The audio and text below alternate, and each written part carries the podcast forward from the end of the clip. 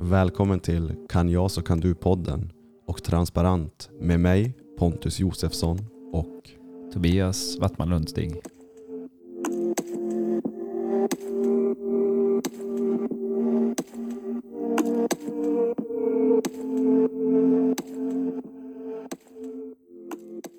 Men det kanske också kommer ändras i livet, man får se.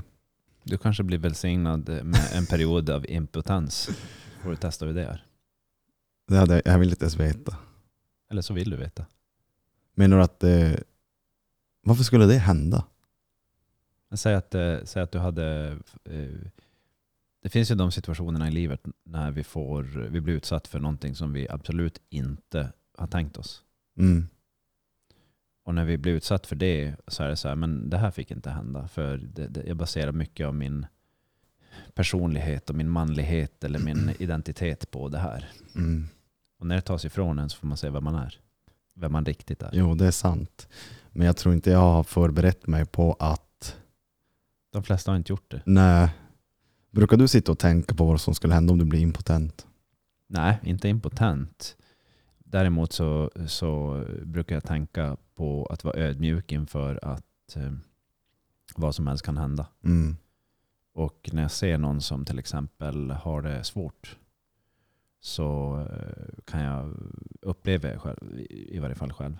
Mm. Att jag kan någonting se, se tillåta mig att uppleva en del av vad de, vad de går igenom. Mm. Men inte bli nedtyngd av det. Utan snarare se det som någonting, inte nu, det är inte fint att bli sjuk eller så. Men inte se det bara negativt och inte se det positivt. Utan se vad, ehm, hur kan jag ta del av det här och vad kan det, vad kan det ge? Mm. Vad kan jag lära mig av det här? För som sagt, jag har varit med om så mycket hittills Mm. och sett hur människor, eh, som, som du sa ju här, vet, för att, eller vi har ju pratat i, i perioder återkommande till din övertygelse om vissa saker som visar sig att övertygelsen var inte optimal för dig. Som till exempel du sa att eh, tidigare så hade du en övertygelse och en mani att du skulle aldrig hjälpa till med armarna när du ställer upp. Jo, just det. Ja. Och det var, och det var också, jag har också beskrivit i, någon per, i perioder att du var helt övertygad om att du skulle aldrig behöva jobba hela ditt liv. Mm. Du skulle bli så berömd och så duktig på det du gör. Men allting det togs ifrån dig, så där Mm. blev du impotent. Ja, precis. Så du blev impotent. Mm. Fast på ett annat sätt än med, Just i det med, med ditt könsorgan. Precis. Och det är lika allvarligt som någonting annat. Mm. Och då, då, blir man bemö- då blir man eh, konfronterad med verkligheten. Mm. Och frågan är, hur hanterade du verkligheten? Jo, du gick in i ett, bland annat ett missbruk. Jo. Ja, men det är ändå, jag tror att jag är ändå glad för att det hände. Ja, För men det, se, exakt. alltså, det, är det, här jag, det, här, det, här jag, Ja. det är det här jag menar. eh, Att det du absolut inte ville ha, fick du. ja. Och nu när du har kommit ut på andra sidan och lärt dig om det och sett på det, Mm. så är du plötsligt giv, eh, tacksam. Mm. Så tänk dig då att om du blir impotent kan du bli tacksam. Jo, alltså jag, jag, alltså i, i ditt jag- fall jag när, du har en, när du har en hög sexualdrift. Det är det jag menar. det är så roligt när du säger det, för, det, för jag, alltså en hög sexualdrift, det är ganska naturligt. Va? För dig är det det. Du, du ser det så. Du säger också att det är naturligt att eh, se upp till Tate. För dig. Nej, jag, har inte använt de orden, det har jag inte sagt. Inte naturligt att jag ser Men upp till är, Tate. är det inte det för dig? Du resonerar med honom, det är ganska naturligt. Däremot, han säger mycket bra saker, men sen håller jag inte med om allt han säger. Mm. Så att eh, jag skulle vilja säga att jag såg mer upp till Avicii än vad jag gör med Tate. Varför då? Jag gissar att jag bara resonerar mer med Aviciis musik än vad Tate skriker i podcast. Mm, okej. Om du förstår vad jag menar. Nej, jag tror det. Så att, eh, ja, jag ska inte säga att jag ser upp till Tate, men däremot säger han mycket bra saker. Mm. Och han har ju hittat ett sätt för honom som gör han väldigt rik och känd. Mm. Mm. Mm. Ja, det, det, det, är ju ganska klart. Och sen är jag lite lagd också så här att om man, om man inte gillar han, Mm. istället för att göra en scen av det och typ lägga all sin vakna tid på att hata honom, Mm. Scrolla bara vidare och gå vidare med ditt liv. Mm. Det är ju en, en ganska bra grej att lära sig i livet allmänt. Ja. Att inte maniskt haka upp sig på saker som är fel. Mm. För då, då är det ju fel överallt. Ja, det finns mycket, mycket gåtor och problem att lösa. Ja. Eller hänga upp sig på. Mm. Mm. Men ehm, ska vi köra dagens ämnen? Mening, tolkning och verkligheten. När du, när du skrev det här åt mig i sms, vad var, vad var, hur gick tankarna när, när du ville ta upp just det här? Ehm, tankarna, jag kommer inte exakt ihåg, men, men just eh, hur, hur lätt vi, vi tolkar in vår egen mening i någon annans mening och ser inte verkligheten. Och det som händer i verkligheten är att man får en miss. Mm. Eh, och missen blir en... en eh, vi, kommer någon annanstans än vart vi skulle kunna komma. Okej. Alltså... Eh, ska vi ta för exempel? Säg en lögn. Mm. Jag tog, tog bara det för jag har, har det skrivet på tavlan bakom dig. Ehm, vad, händer när en, vad, vad händer om vi är i en relation med någon och så kommer vi, får vi reda på, får ena parten eh, reda på att eh, den, får, den andra parten har ljugit om någonting. Jag hade ett sånt här ämne, eller samtal nu i fredags med ett, ett par Mm. då, då det var en stor del av samtalet, lögner.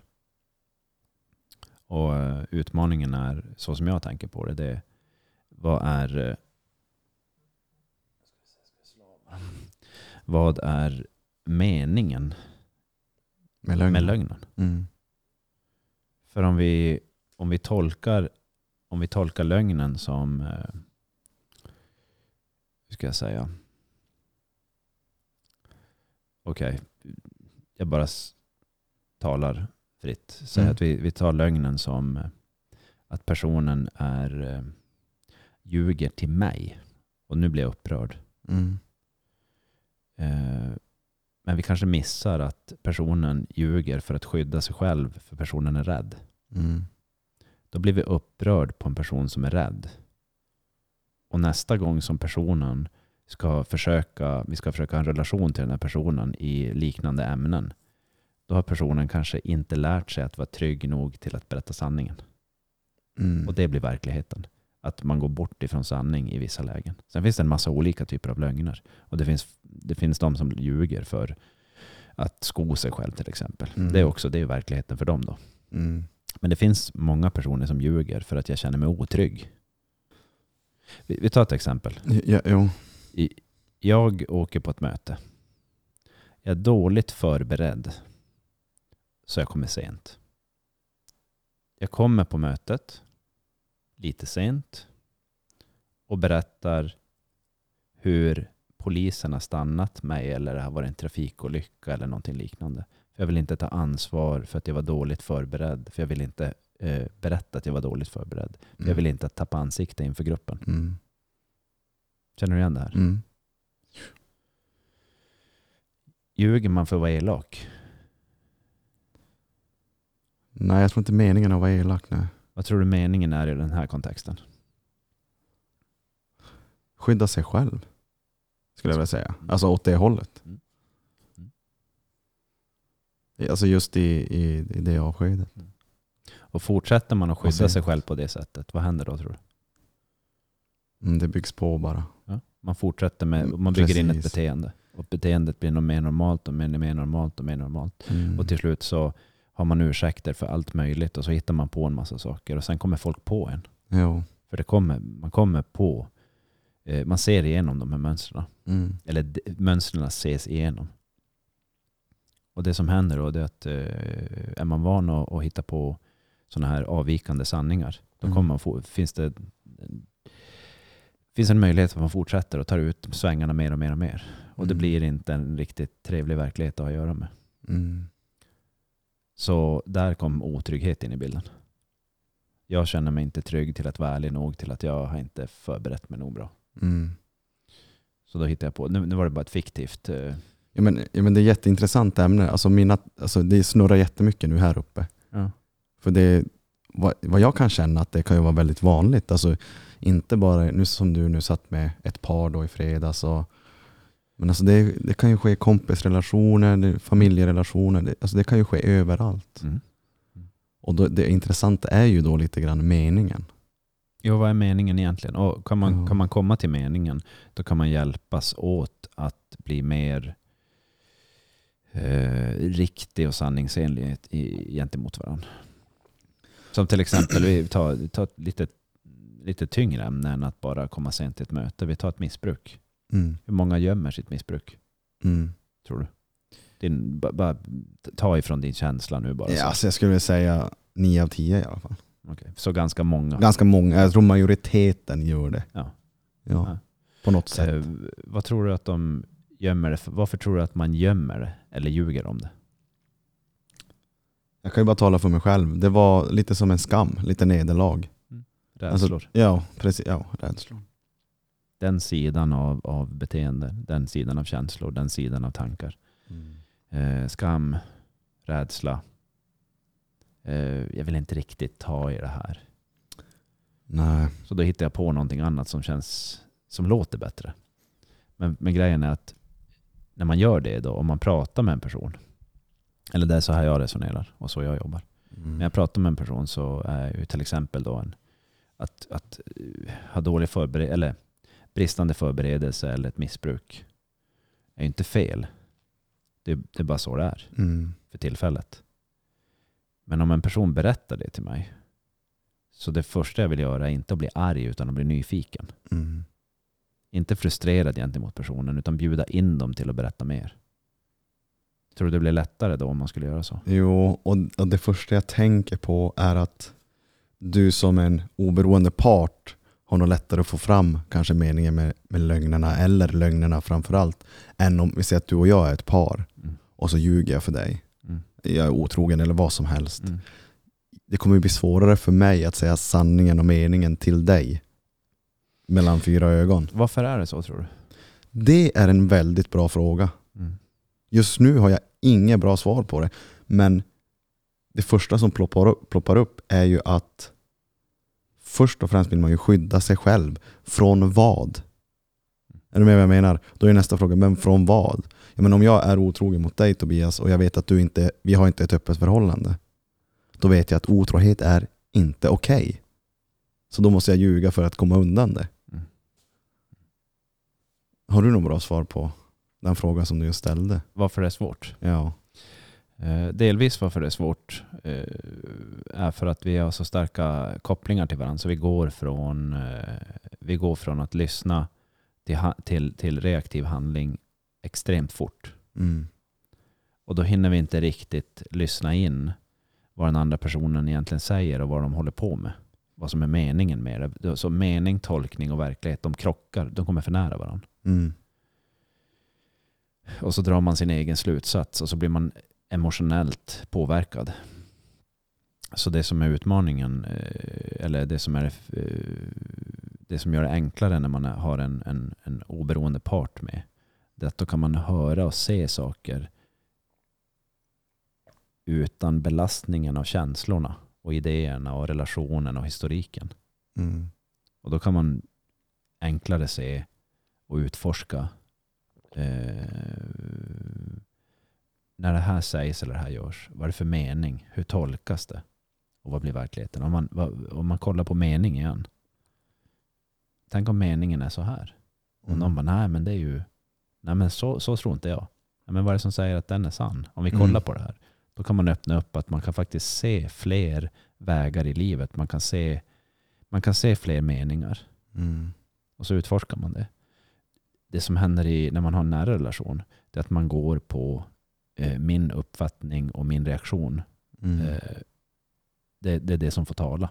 Mm. Och då säger folk ofta så här, eh, eh, det, det går inte att nå fram till den här personen.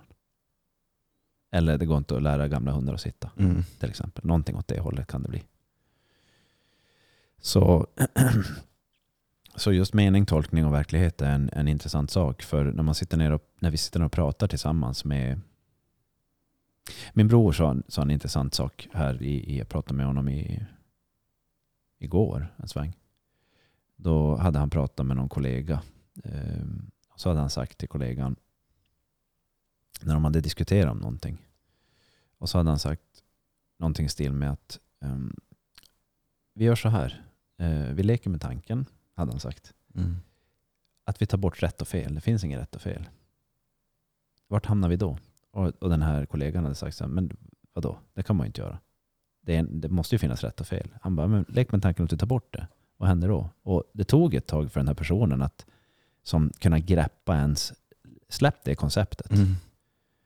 Och när, han hade, när de hade pratat en stund och han hade uh, utforskat och ställt den frågan. Vad händer om vi tar bort rätt och fel? Testa att ta bort rätt och fel så pratar vi med varandra om det här ämnet. Då sa den här killen, bara, fan det, är ju, det här var jätteintressant. Nu, nu, nu är man ju mer ute efter handling och effekt. Mm. Det har, jag, det har jag aldrig varit med om att någon har sagt till mig. Jag har aldrig tänkt i de banorna. Då är det som så här, man tänker så här, högt utbildad ingenjör har aldrig, säger sig själv nu, aldrig har tänkt i handling konsekvens utan mer i rätt och fel. Det är för mig jättefascinerande. Men är det, inte så, är det inte så det är uppbyggt allting egentligen? Väldigt mycket uppbyggt så. Det som är intressant bara för mig, när jag ser det, så ser jag hur mycket det uppbyggda systemet på rätt och fel, som till exempel, vi tar lögnen igen. En lögn, är det, är det okej? Okay? Svara ärligt nu bara vad, du, vad som först kom till dig. För jag såg att du började som resonera med det. Jag började resonera, ja, ja. Svara, om, är det okej okay att jag ljuger till dig? Nej. Nej. Så då är det vad? Rätt eller fel? Fel. Mm. Men om vi inte utforskar djupare. Om jag nu ljuger till dig, Mm. säg att jag har ljugit till dig. Och det är fel, fel, fel. Vad upplever du för känslor? Otrygghet. Alltså jag kan inte lita på dig. Eller, alltså, Oskön. oh, ja, pre- ja, pre- precis. Alltså icke, icke bekvämlig. Säg att vi hade haft en jättedjup relation. Jag hade varit din bror, eller din mor, eller din far eller din kärlekspartner. Mm. Och så hade du fått reda på att jag hade ljugit till dig om ganska allvarliga grejer. Mm. Hade du kunnat vara objektiv tror du? Nej. Inte. Nej, jag säger nej. Mm. Till en början. Mm. Till en början säger jag Det nej. är det vanliga. Ja. Och lögnen, vad, vad, om vi inte kommer till att utforska meningen med lögnen. Mm. Utan det som du beskrev nu, det att du, du gjorde en tolkning på att det är fel. Mm. Och du blir tungt belastad av den. Mm. Får vi inte gå till mening? Vad blir verkligheten om jag drar min tolkning då? Vad blir verkligheten om du drar din tolkning? Om du fortsätter med din jag- tolkning, ja, att den alltså, är fel. Då tror jag inte vi kommer ha en så bra relation och jag. Med stor sannolikhet inte så bra relation. Mm. Men jag fick ju inte resonera för dig när jag Nej, svarade på de här Nej, frågorna. men och det är det som är grejen. Det vi, vi sitter ju här och resonerar, så jag ville Mm. ha dig... Gå på, gå på den Första. första, impulsen Ja. som du får, Utan att förklara. utan att förklara. Ja. Och varför jag ville att du skulle göra det, det är för att då får man se lite grann vart den, vart den impulsen är på väg. Precis. Vart den tar en. Ja. Och har man inte varit van att göra sådana här saker, då går man ofta till tolkning och så tolkar jag att det här är meningen och det blir verkligheten. Mm. Och sen att någon annan ska försöka övertyga en eller omforma tolkningen och meningen Mm. blir kanske en manipulation. Ja. Och är vi inne på de tankebanorna och känslobanorna, att nu manipulerar jag dig. Vad händer då? ja, då kan ju vad som helst hända tänker jag. Ja, vad, vad händer med dig om du, om du får reda på att eh, i din, i din tolkning och din mening så är jag nu en ljugande manipulativ Ja, då blir person. ju, det blir som en fiende. Alltså du, jag vill ju inte ha något med det att göra. Säg att vi är då en... Vi har blodsband. Ja, fuck you. Men vi, är, vi kan aldrig separera helt, men vi kan ändå separera. Precis. Så det, det är inte ett ovanligt eh, format att vara i. Mm. Men då skulle jag gått så långt typ att det, att det, att det liksom gör mig illa. Har du sett någon sån relation någon gång? Jo. Mm. Faktiskt, jo. Precis. Mm. Det var lite därför jag ville eh, prata om det här idag. Mm. För att det finns de där. Sen finns det olika grader. Jo. Det finns allt från ja, men väldigt låg grad till hög grad. jo. Man har faktiskt sett bägge sidor, alltså bägge, både med låg anspänning och med hög anspänning. Mm. Och det är på den här höga anspänningen, det, är, ganska, det kan vara ganska otrevligt. Mm. Eller vad säger du? Absolut. Mm. Det har... Det har eh, jag skulle säga att det finns, det är inte ett ova, o, o, ovanligt förekommande fenomen som sliter relationer i stycken. Mm. Arbetsrelationer, kärleksrelationer, familjerelationer. Sen lyckligtvis är det ju inte så att alla, det är många som har kärleksfulla relationer också. Det är jättefint. Eh, Och förlåtande med varandra och, och öppna och pratar ut eller klarar av att vara, ha hög grad av tolerans. Mm. Men det är inte alla som klarar det. Av sig själv så att säga, av sin egen autonomi. Nej, men du vet det här när man säger att kommunikation är A och O i egentligen alla relationer. Mm. Men då finns det ju också, vad är det för kommunikation? Mm. Är du med? Alltså jag menar, om vi skulle ha den här kommunikationen där du lite grann ljuger för mig, manipulerar mig, Mm. men jag är ändå liksom så här, jag är som bara kvar och förstår inte bättre. Men gentemot en kommunikation som, fan jag erkänner mina fel, fan vet du Tobbe jag ljög där. Mm. Alltså Ja, men då är vi ju ute, då, har- då har vi ju förändrat någonting. precis. Mm. Så att, så att det är ju så där, kommunikationen är jätte, jätteviktig. Men vilken kommunikation är det vi har? Mm. Och hur når vi varandra? Hur öppen är vi för varandra och pratar med varandra? Det kommer ju ner till eget ansvar också där. Mm. Hur mycket vågar jag sälja mig? För det blir ju lite, Säl, sälja. ja men lek med tanken så här, jag, jag, jag går in i en relation med dig. Och ju mer vi lär känna varandra, ju mer jag börjar lita på dig och du på mig, så händer det att man delar saker som man kanske inte säger i det öppna rummet, i fikarummet på jobbet. Är du med? Så att, att lägga över min trust i dig och sen, det blir ju att jag skär upp mitt bröst lite grann. Jag blir ju vulnerable, jag blir ju sår, sårbar. För nu har ju du en information som kanske inte är jättebra. När du använder ordet sälja så blir jag lite nyfiken varför du just använder ordet sälja. För för mig är sälja ett väldigt laddat ord. Men det blir lite grann att man säljer sig själv. Varför, va- varför använder jag ordet sälja? För att du blir sårbar.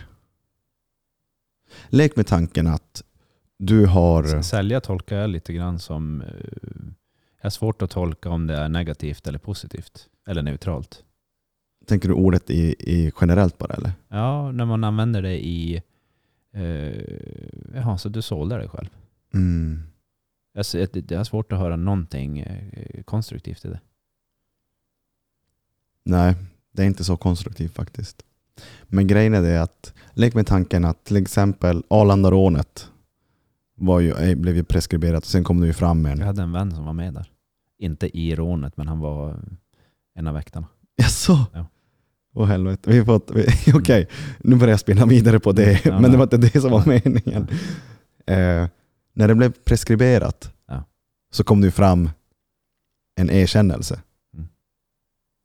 Mm. Men han kan ju då sprida den här informationen utan att det händer något. Mm. Men rent, hade, rent systemtekniskt så kan inte systemet ta i honom på det. precis. Men hade han gjort det innan de här 15 eller 20 åren eller vad det är, då hade han ju sålt sig själv för då står han ju nu inför rätta för rånet. Är du med vad jag menar? Fast, fast ordet sälja kanske jag använder fel, men du förstår kanske meningen i det jag säger. Alltså jag förstår den grova meningen. Det jag, det jag är ute efter det är lite grann eh, mening, tolkning och verklighet. Mm. När vi säljer oss själv. Vad tänker du på då? Ja, det var därför jag frågade. För att eh, frekvent återkommande. Eh, om, om, vi hör, om jag får höra någon som har i någons, någon annans åsikt eller tolkning sålt sig själv. Så är det, jag skulle säga mer vanligt att det är att personen har gjort en negativ handling. Mm. Och när någon öppnar upp sig för att vara ärlig och så har man sålt sig själv. Jag ser inte relevansen. Jag, jag, det blir en krock för mig där. Men om vi leker med tanken att till exempel mitt drogmissbruk, Mm. det tog ju mig några år innan jag valde att bli öppen med det. Mm. Men nu när jag är öppen med det och kan prata om det överallt. Mm. Men lek med tanken att jag dejtar en ny tjej. Mm.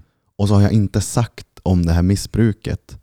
Mm. För jag känner att jag vill inte att alla ska veta om det, för det, tar, det, det är ont i mig. Mm. Men om jag då litar på, på henne så pass mycket och delar med mig av det här och så gör vi slut. Mm. Och så börjar den här människan gå och bara kasta ut den här informationen överallt.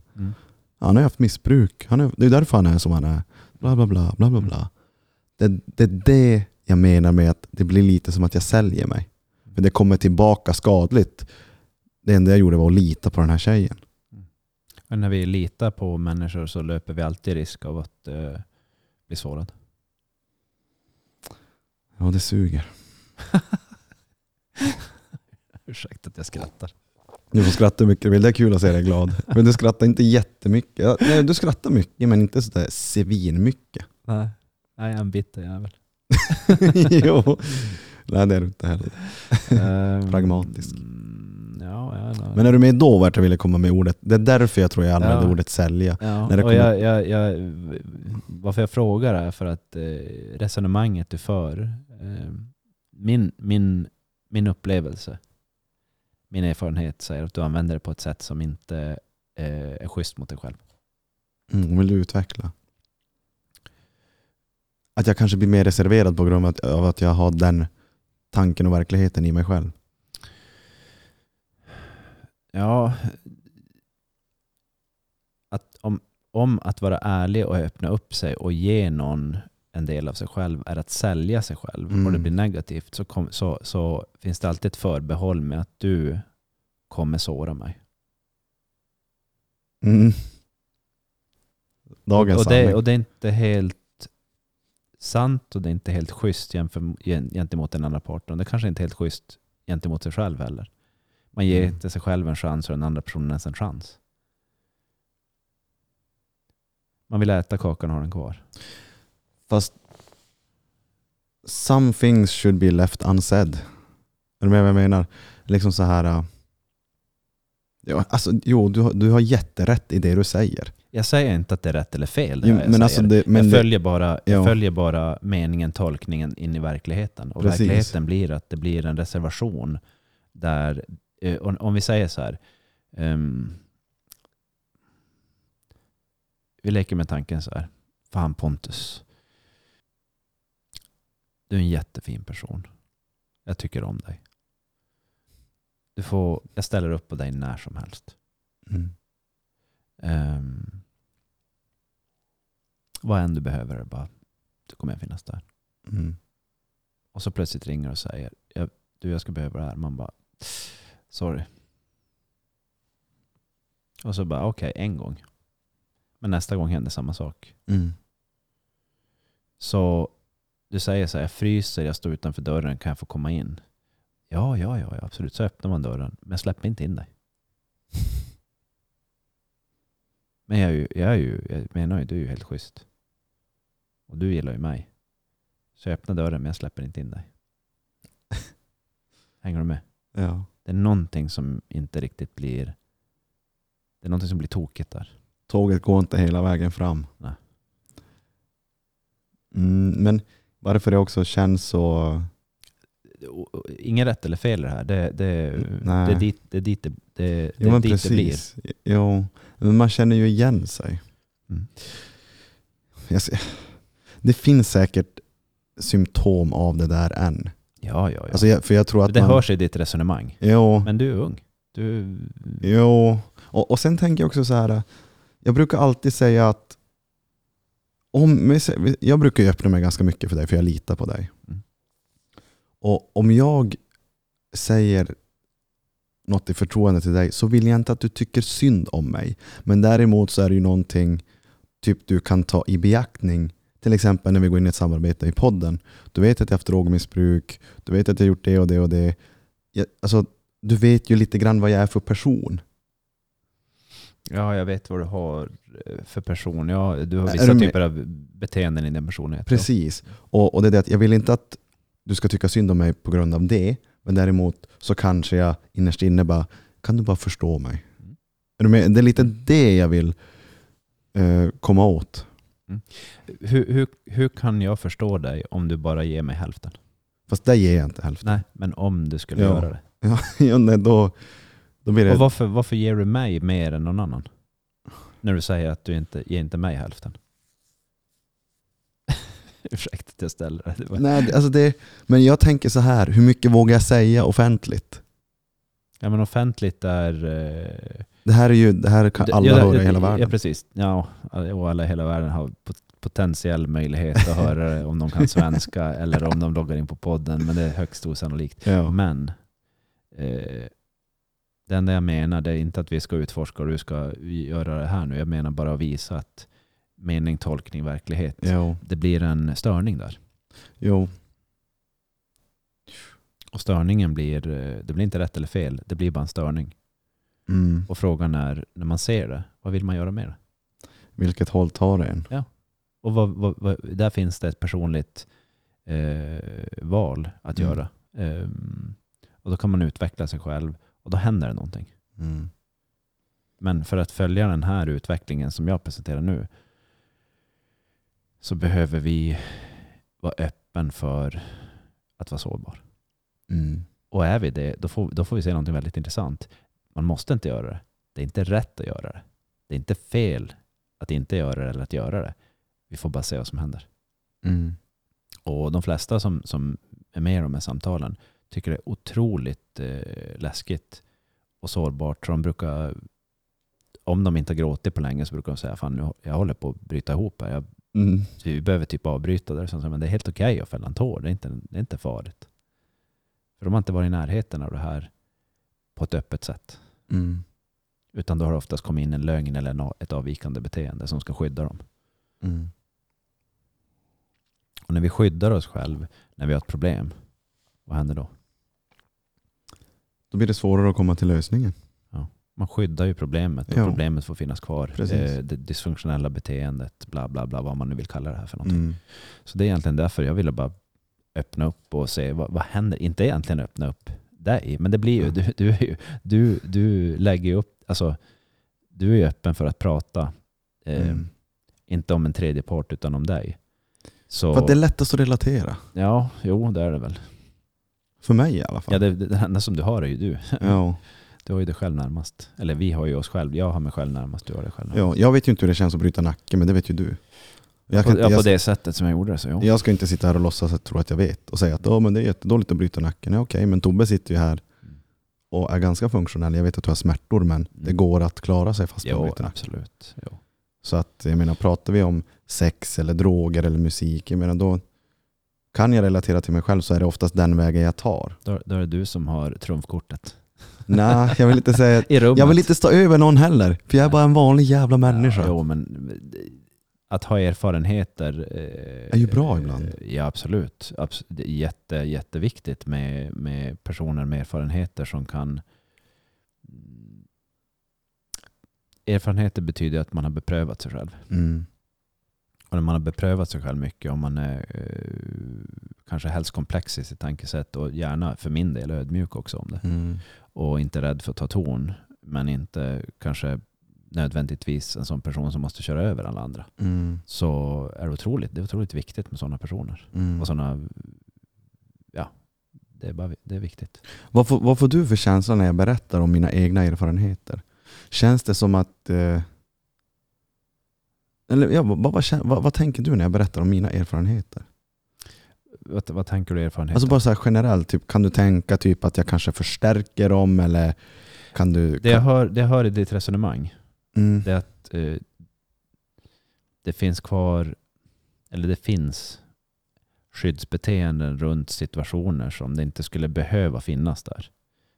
Men de finns inprogrammerade av flera olika anledningar. Uppfattning, mening, tolkning och så vidare. mm, Och ehm, det är inte säkert att de för dig till den bästa platsen. mm, Men det är så här livet är. mm, Ehm, om vi säger så, om vi tar in ordet naivitet in i, i, i det här konceptet där vi pratar. mm, Så ju yngre en person är, ofta så har man inte fått leva nog lång tid, nog många år och gått nog många mil. Mm. Så man är naiv till de milen som kommer framför en, den tiden som kommer framför en. Mm. Och ibland så kan personer, inte du enbart, utan det här är vanligt, uppfatta att man har mer kunskap än man har och så här är det. Mm. Det, det är helt vanligt. Det är helt, eh, jag har själv varit där. Jag är fortfarande kvar där en hel del och, och jag vet ju inte vad som kommer. Nu fyller jag 46. Jag vet inte vad som händer när jag är 56. Mm. Och Helt orimligt. Däremot har man fått vara med om mycket och man kan sätta ihop samband och man har fått eh, åka på mycket smällar Mm. och man har fått eh, ta del av att eh, bli ödmjuk för att jag har upplevt någonting. Jag har varit övertygad men också fått se att min egen övertygelse höll inte. Mm. Så då får jag se mig själv ha varit naiv. Och det är en, en, en, en viktig lärdom. Och sen envishet, om man blandar in den i bilden. Ju envisare man är på sin... Eh, om vi säger att man är naiv, naiv, envis och tolkar på sitt sätt. Det som händer då är att man, man går omkring längre i livet och bibehåller den här typen av naivitet och sitt eget synsätt. Och det är bara så det är. Vissa personer öppnar upp sig, testar nya vägar och ser vad det ger. Och så förändras ens personlighet med att man ser verkligheten. Mm. Men en del behåller sin snäva verklighet och säger det är så här det är. Mm. Och så är man väldigt envis och stark där. Och de personerna som leker med tanken att vi har en person som jag tror Jordan Peterson brukar säga exakt det här. Eh, om jag försöker citera honom. En person som är typ 15 år i sitt psyke och sina känslor. Och så kommer de upp till 30-40 års åldern. Det är ingen vacker syn. Mm. Och den beskriver där, upplever jag, det är en person som har varit väldigt envis och naiv till verkligheten. Och inte tagit del av, av, av den på ett öppet sätt. Mm.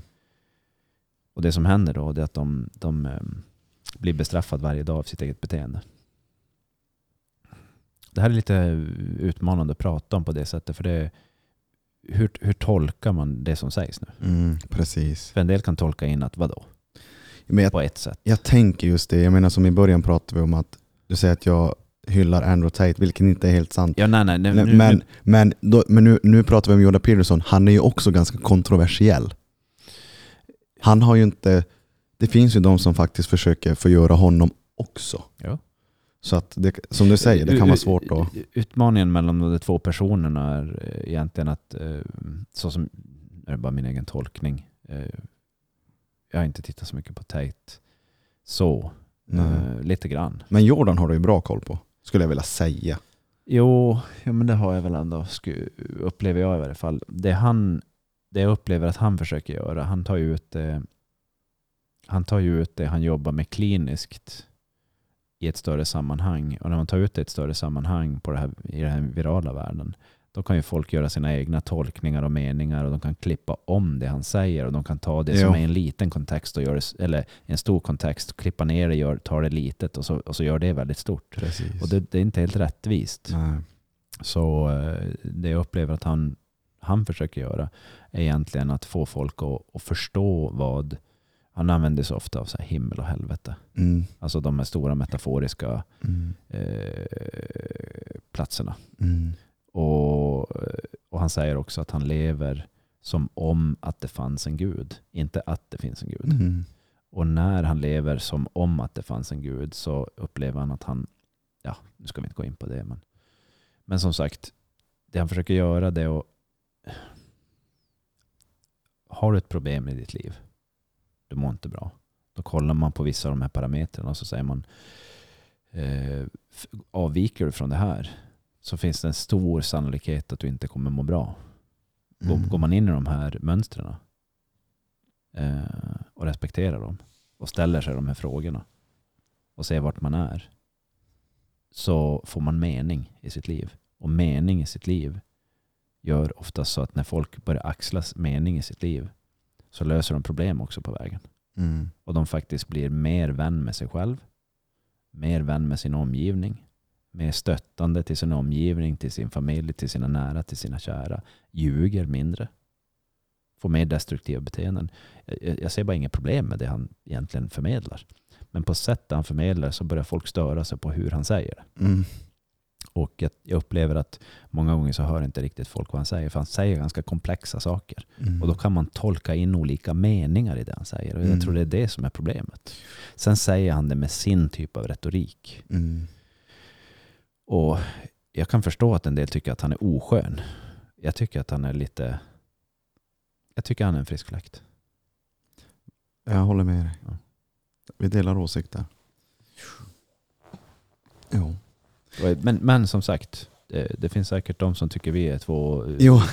fågelholkar som Precis. sitter bara och, och klappar käft. jo, vi gör ingen nytta här. Nej, alltså... Alltså vissa får ju tycka det.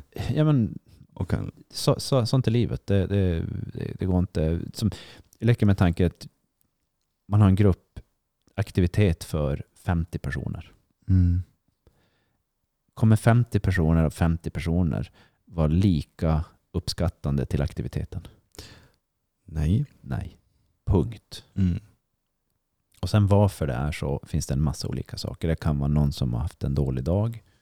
Det kan vara någon som eh, Inte tycker det är kul. in, precis, inte vill vara med, känner sig Mm. tvingad, eh, inte tycker om mig eller dig eller sin chef eller sin grupp. Eller det, Mm. det kan vara det är en miljard olika Mm. typer av anledningar till det.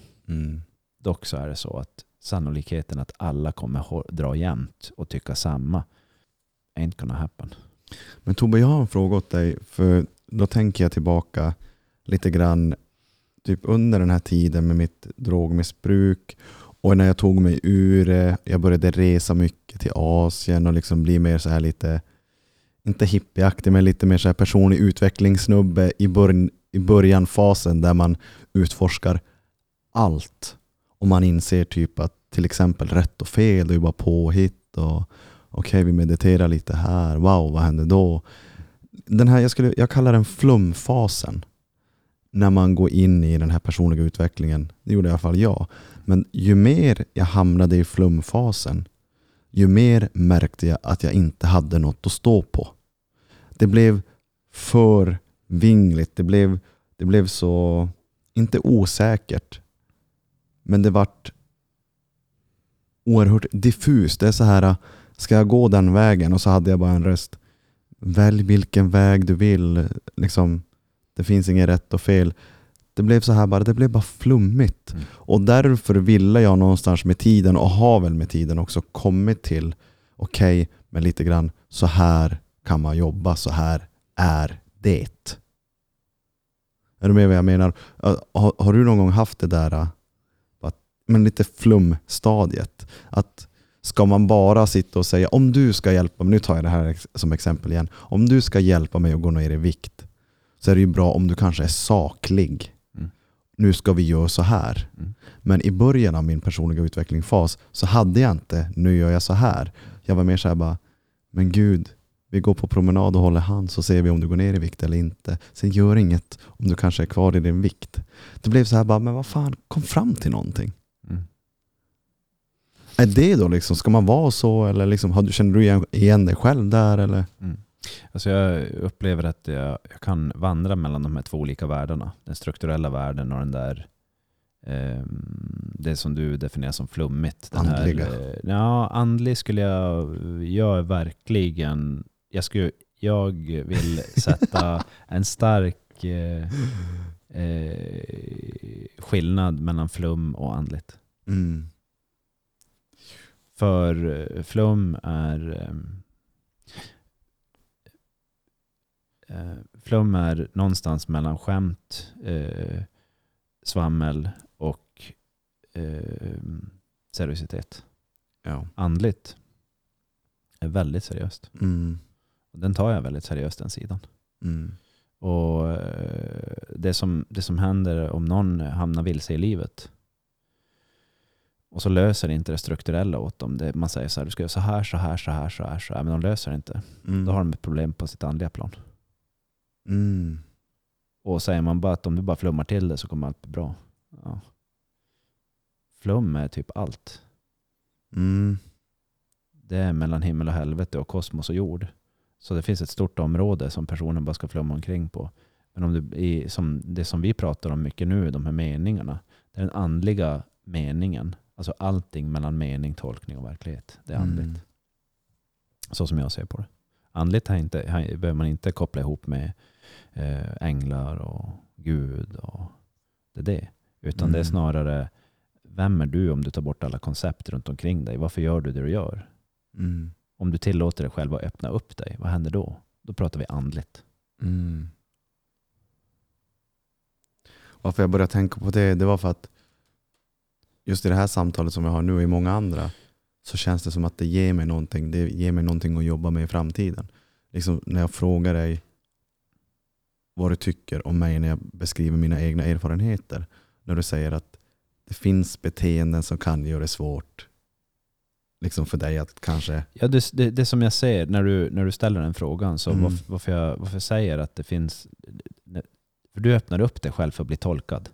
Mm, Jag vet inte om du tänker på det, men du gör det. För mig, för, gentemot mig gör du det. om sitter här. tolkad. Så finns det något annat sätt varför man öppnar upp sig? Ja, att styra. Manipulera. Ja. Men jag försöker inte styra dig va? Nej, det upplever jag inte. Utan du är väldigt öppen. Ja tack. Men alltså, har du märkt att ibland i konstellationer i grupper så vill folk styra varandra? Mm.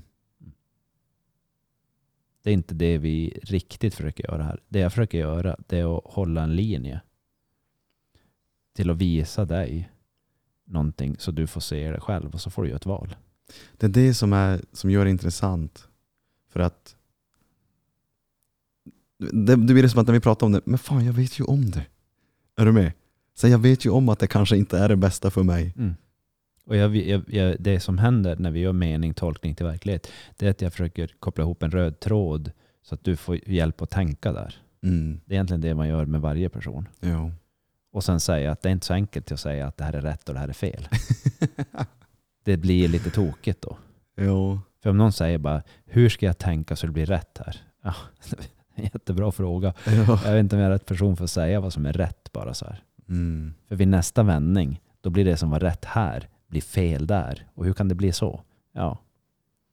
Testa att bara svänga höger i ditt liv hela tiden, se vart du kommer. Då går du i en cirkel. Testa bara svänga höger.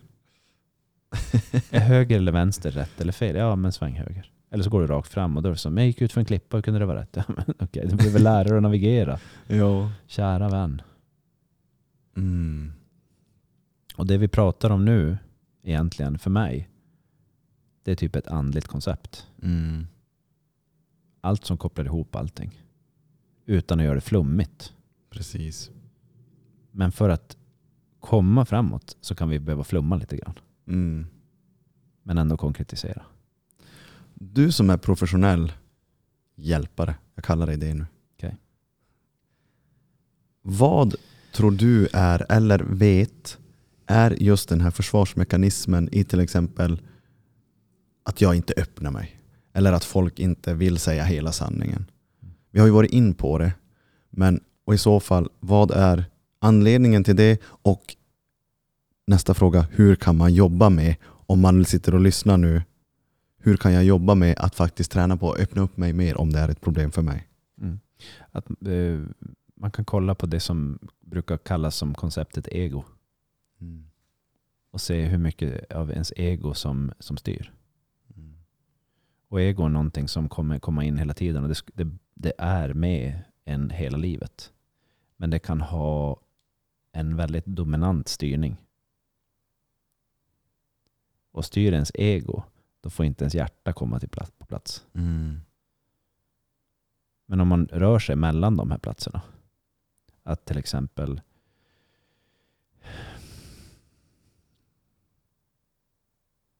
låta magkänslan och hjärtkänslan ta plats. Då kan, man, då kan man säga att om jag skulle göra det hjärtat och magen säger att jag skulle vilja göra, då är det inte säkert att egot tycker att nej, det där är inte okej.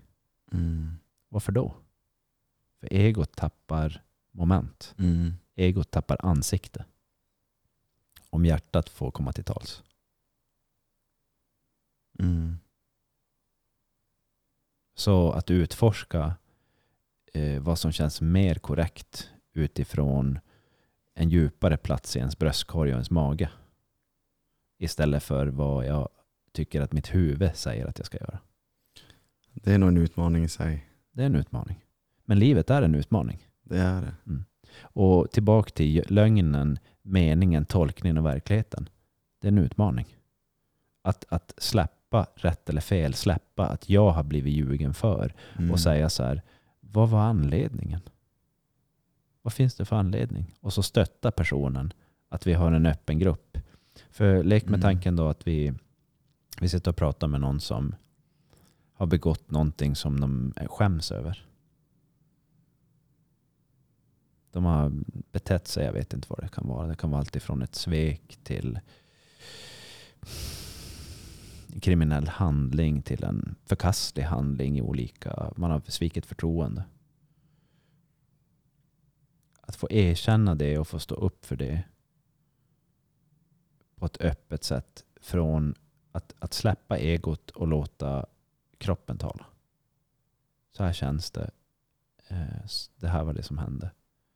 Okej, varför då? Att utforska det där. Mm. Det är en rätt intressant sak. Jo, man, man får ju... Man kommer ju till en plats, om man inte har varit där tidigare så kan det bli ganska wow, shit, vart är vi nu? Mm. Vart är vi nu och simmar? Och om, om vi leker med tanken egot då. Mm. När egot är på en plats som man inte känner sig trygg, vad tror du egot gör? Försöker typ jobba ännu starkare att inte vara där. Ja, för att vara vart, vart då? Där vart ego trivs. Exakt. Ja. Och vart drivs egot? I, här uppe. Ja, det, Eller vad det, är vart, det är typ vart det är, men Ja, ja alltså vart är jag?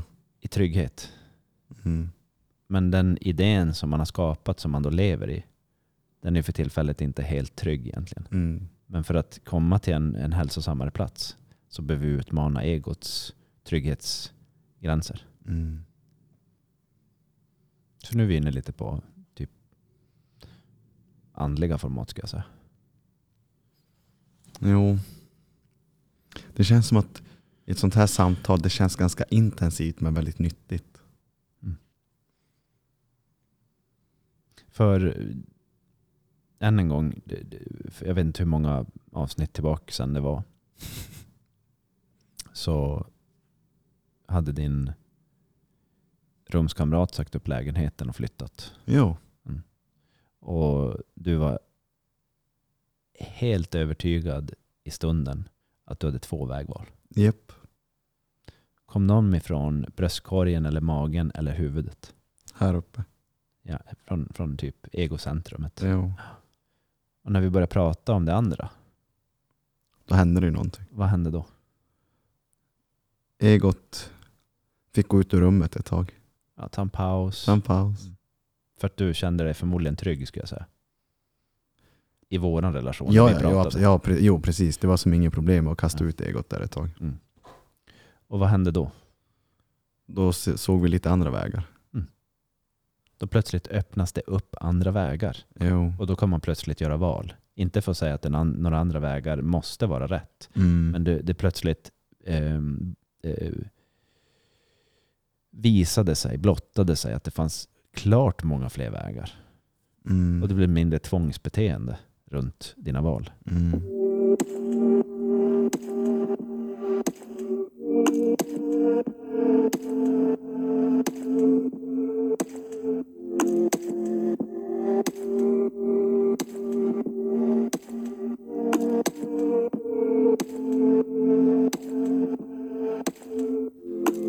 Tog du dig en skumtomte också? Jag tog mig en sk- skumtomte. sånt sjukt.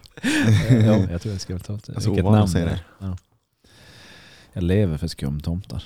Inte du? riktigt, nej. nej. Men de, Då jag tycker de är goda. Men det fanns en period i mitt liv då bland det bästa jag visste var eh, en kopp kaffe och en skumbanan. Jaså? En choklad skumbanan Jo, specifikt. de är bra. Alltså- XL eller de små? Ja, det fanns en, en medelstor ehm, skumbanan som var en viss typ av den skumbananen var så otroligt eh, välbalanserad mellan det yttre och inre skiktet. Och valde, man, valde jag fel, då var det så här, alltså den här är så äcklig. Eh, och så sen så valde, valde jag då rätt. Då var den så otroligt eh, tillfredsställande.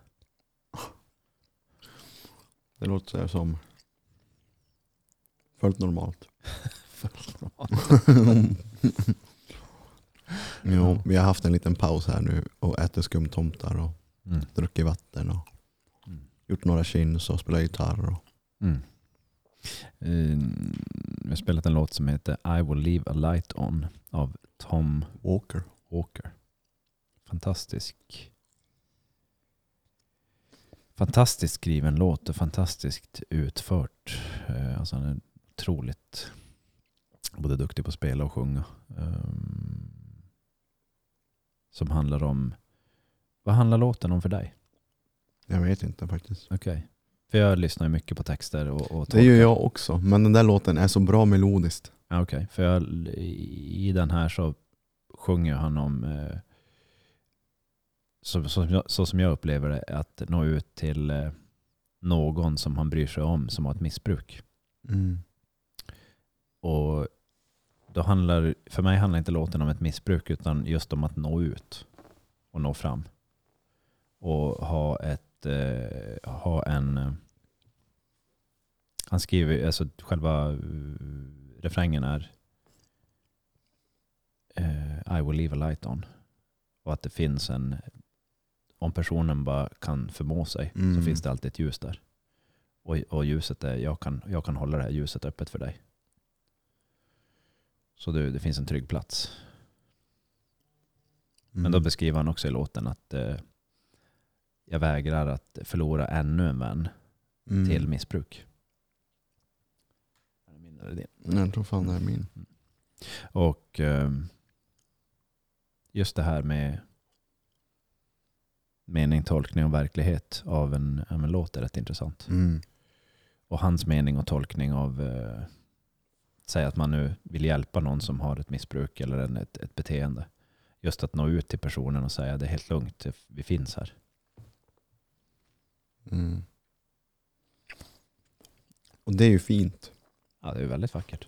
Nu när du säger det sådär så börjar jag tänka att det kanske är det jag vill ha när jag öppnar mig. Någon som bara lämnar lyset på. Och I allt det här då, vi leker med tanken nu att vi fortsätter med det som du öppnade upp för nu. Mm. Vill någon att du vill ha, vi tar dig som person, Mm. att någon lämnar lyset på när du öppnar upp dig. Ehm, att man också kan ha förståelse för den andra sidan, som hur länge orkar man hoppa, hålla lyset uppe? Så båda sidorna existerar, för båda vill ha samma sak egentligen. Nå fram och ha trygghet. Och, och det här är det som jag upplever många gånger blir eh, det som blir, eh, ibland blir faktumet att man missförstår varandra eller orkar inte med varandra. Eller man, man helt enkelt. Så där blir en separation. Mm. Eller en konflikt. Eller en, man väljer olika vägar. Men i grund och botten så att kunna säga att jag finns här. Men totalt så är det så att vi har ett livsspann och vi har ett, toleransspann också. Så om Mm. någon säger så här, men jag, jag, det finns alltid en dörr öppen för dig. Finns det det tio år senare? Det är inte helt säkert. Det är inte helt säkert, nej. Jag, jag, jag har haft ett ljus öppet och en dörr öppen här i tio år. Jag, jag, jag, jag har rört mig vidare. Ja, men jag kommer nog alltid ha ljuset tänt för de som vill, de som är min vän. Mm. Tror du, jag. du kan säga det idag. Jo, Ja, men det känns som det. det känns som det idag. Verkligheten kan ju visa sig att det inte Det får man ju det är inte möjligt. Eller så är det möjligt. Eller så är det inte möjligt. Jag, jag vill ha det det möjligt. möjligt, för jag vill ställa upp för de som faktiskt är i min närhet. Mm. Det är så här, jag vet inte vart det kommer ifrån men jag är nog en giver istället för en taker. Mm. Om du förstår liksom vad... Alltså, jag ger hellre än att tar. Jag vet inte varför jag sitter här att du tänker och missförstår mig nu. Du tänker snuskigt, men det är inte det jag menar. Jag kollar Ja, men på du, det. du förstår. jo, man, måste få, man behöver också få hög tolerans för att driva med varandra. Åh, Ja. jo. Nej, det var bara sån här bara konstaterande att jag, Men det känns också filo filosofiskt fint, du vet att men fan Pontus hade alltid ljuset tänt. Dock så är det eh, naivt att säga alltid. Det kan vara det, men tänk om det blir så. Det finns, finns också en hög grad av naivitet. Ja. Men tänk om det blir så. Det, sannolikheten är dessvärre lite annorlunda. Alltid. Jag ska försöka ha ett ljus uppe för dig. Så länge som jag klarar av det. Mm. Den är 100 procent. Mm. Det kommer alltid finnas här för dig. Tittar vi på den så håller den inte. Men det låter fint. Det låter jättefint. Filosofiskt och i en dikt och allting så låter det jättebra. Jag kommer ta din hand i nöd och lust. Till döden skiljer oss åt. Giftermål.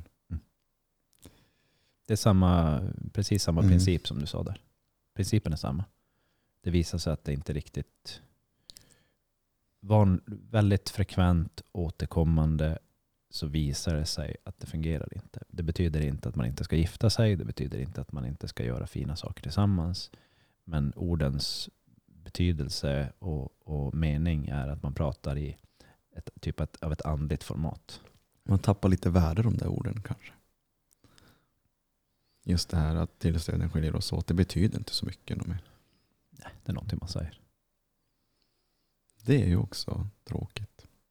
Att ord inte har samma betydelse. Nej, men vi, man kan ju sitta, vi kan ju sitta ner och, och bygga, bygga på någonting som, som får en djupare betydelse. Jag upplever väl att om man, om man säger de här stora sakerna och så sen så menar man det inte riktigt och jobbar inte för det kontinuerligt. Mm. Då faller det i glömska och så faller det i naivt och så blir det naivt. Mm. Däremot så jag kommer ställa upp på dig så länge jag förmår mig i mitt liv. Och så länge som du ställer upp tillbaka på mig och dig själv. Mm. Förfaller någonting av det där och för lång tid. Jag kommer ställa upp på mina nära och kära. Eh, även fast det finns motgång. Mm. Men visar de att de har för mycket motgång, då kommer jag säga, vet du vad, nu klipper jag, jag orkar inte med er längre. Mm. Då behöver jag visa att ni får, ni får klara er för er själva. Ja. Tyng, det, det här tynger mig för mycket, jag tänker inte acceptera det här. Jag vill inte acceptera det, jag klarar inte av det. Är oschysst då? Nej, du, du tänker på ditt, för ditt eget bästa. Ja. Och vad är viktigast då? Du själv eller någon annan? Ja, alltså re, rent krasst. Öppen eh, fråga bara. Rent krasst så, så eh,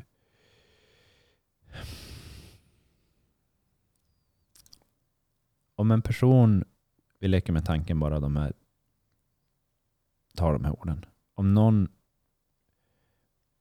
naivt håller på att sjunka oavsett om det är på grund av lögner eller beteenden eller vad det nu är. Och så försöker man rädda personen. Men personen tillåter inte sig själv att bli ehm, att ta ansvar för sin del. Är det fint av mig att ge bort hela mig så båda sjunker?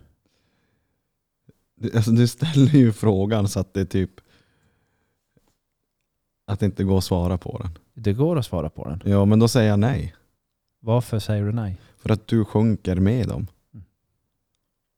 Det där är ju en avvägning man får göra i livet. Och eh, släppa vissa saker. Mm. Men så är det. Det betyder inte att bara vid, vid första anblick av när någonting inte går min väg att jag ska släppa allting. Det är inte det jag menar. Nej. Utan jag försöker se mening och tolka och se verkligheten. Att men dit det här är på väg. Den här personen tar inte sitt ansvar och verkar inte förmå sig att göra det eller vilja göra det eller komma till att göra det. Mm. Så hur mycket tynger den är mig eller min sida? Ja, det är, Är det, till- är, det, är det logiskt att jag ska fortsätta? Nej. Nej, inte när du lägger upp det så. Men sen har vi alla olika tolerans också. Mm, absolut. Vissa kanske inte lyckas sjunka med på samma sätt. Ja, men jag har sett många som har sjunkit med. Ja, säkert. Mm. Och göra Och de som har sjunkit med ibland vill inte ens vara ärliga med att de har sjunkit med. Nej, Nej det, det blir ju tufft att erkänna. det jättetufft. Eller så ser man det inte ens. Det är inte säkert.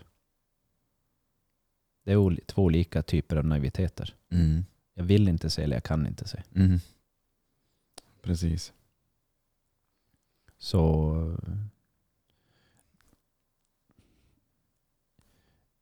när jag har ett samtal med personer som där, där personerna kommer in och så tittar man på till exempel lögner och svek och frustrationer och konflikter. Och så upplevde jag att, jag att båda är med och vill ärligt titta på problem och lösning. Mm. Handling, effekt, konsekvens. Mm. Det är jätteroligt att jobba med det. Däremot så är det eh, intressant, kanske inte ro, roligt och givande på samma sätt att jobba när en sida vill inte se sin sida. Nej. Det är ett ganska stort ämne så här. Det vi pratar om idag. Jag tycker vi pratar allmänt väldigt frekvent och återkommande om stora djupa områden. det har du helt rätt i. När du säger sådär, det, det låter exakt som att du helgarderar dig.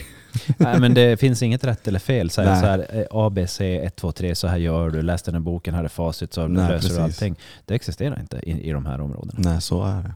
Men och är det någon som säger att det gör det, där är det så här, ja, okej. OK punkt. OK. Punkt, Ja. Ja, ja. Ta en skumbanan så. Skumbanan och vad var det? Te? Kaffe. Kaffe? Eh, nej, eh, choklad, skumbanan och kaffe. Just det, ja. Mm. Har du någonting mer angående de här nu idag? Eller hur känner du över dagens samtal? Nej, jag ville bara egentligen, det var ett område bara att belysa och, och dyka in i lite grann. Eh, Mm. Så att jag, det känns ganska bra. Hur känns det för dig? Ja, det känns... Jag vill inte säga bra, för det, det känns så mycket mer än bara bra. Okej. Är du med? Alltså det är inte, så att, inte att bra är förstärkt, utan mer bara att det känns intensivt, det känns givande, det känns lärorikt. Mm. Det känns som att det finns en del att bearbeta och tänka på. Mm. Så bara bra kan jag inte säga. Så, men du förstår nu vad jag menar. Givande. På en skala från 1 till 10 då 1 är lågt och eh, så att säga känns inte fullt fyllt av värde och 10 är eh, fyllt av värde. Vart hamnar vi på skalan idag? Och eh, mellan 8 och 10. Okej. Mm. För att, just för att ingen eller, ingen eller någonting är perfekt. 10 är ju i det här perfekt. Ja, 10 är ju eufori. Alltså det är ju liksom Avicii-konsert typ. Vilket inte alltid heller är perfekt.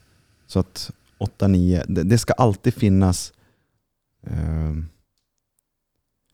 utrymme för att utvecklas. 8, 9, åt- mell- mellan, eh, kring, kring 8 är ju ett jätte... Det är jättehögt betyg. Alltså det är ju ett eh, värdefullt betyg. Där det finns ett, ett, ett positivt värde i det som man, har, man befinner sig i och har framför sig. Det, det är ju utvecklande på många plan. Mm. Värdefullt att ha i livet. Mm. Ska vi, Ta en skumbanan. ska vi ta en skumbanan och säga på återseende till Mm. alla flummiga lyssnare? Ja, precis. Glömma iväg nu över jul och ta det lugnt. Precis, det är fan... Men vi hinner ett avsnitt till. Just det, vi ska ju ha ett med Simba. Precis. Eh, vår, thai, vår thailändska eh, me- medpart eller eh, motbalans. Motvikt. Precis. Medvikt, motvikt. Och det blir intressant ska vi avslöja. Det blir ju sexualitet. Vad skulle vi ha? Var det sex, porr och... Vad, Sex och porr. Sex, porr och... Ja, nej, det var någonting Typ, eh, åt det hållet. ja, Ja. ligga runt. Jag vet inte. Det får du stå för. I'm free as a bird. Ja. Ja, jag och Simba har, vi har relationer sedan länge tillbaka. Mm. Och det blir en annan historia. Mm. Yes, på återseende. På återseende, sköt om er. Hej.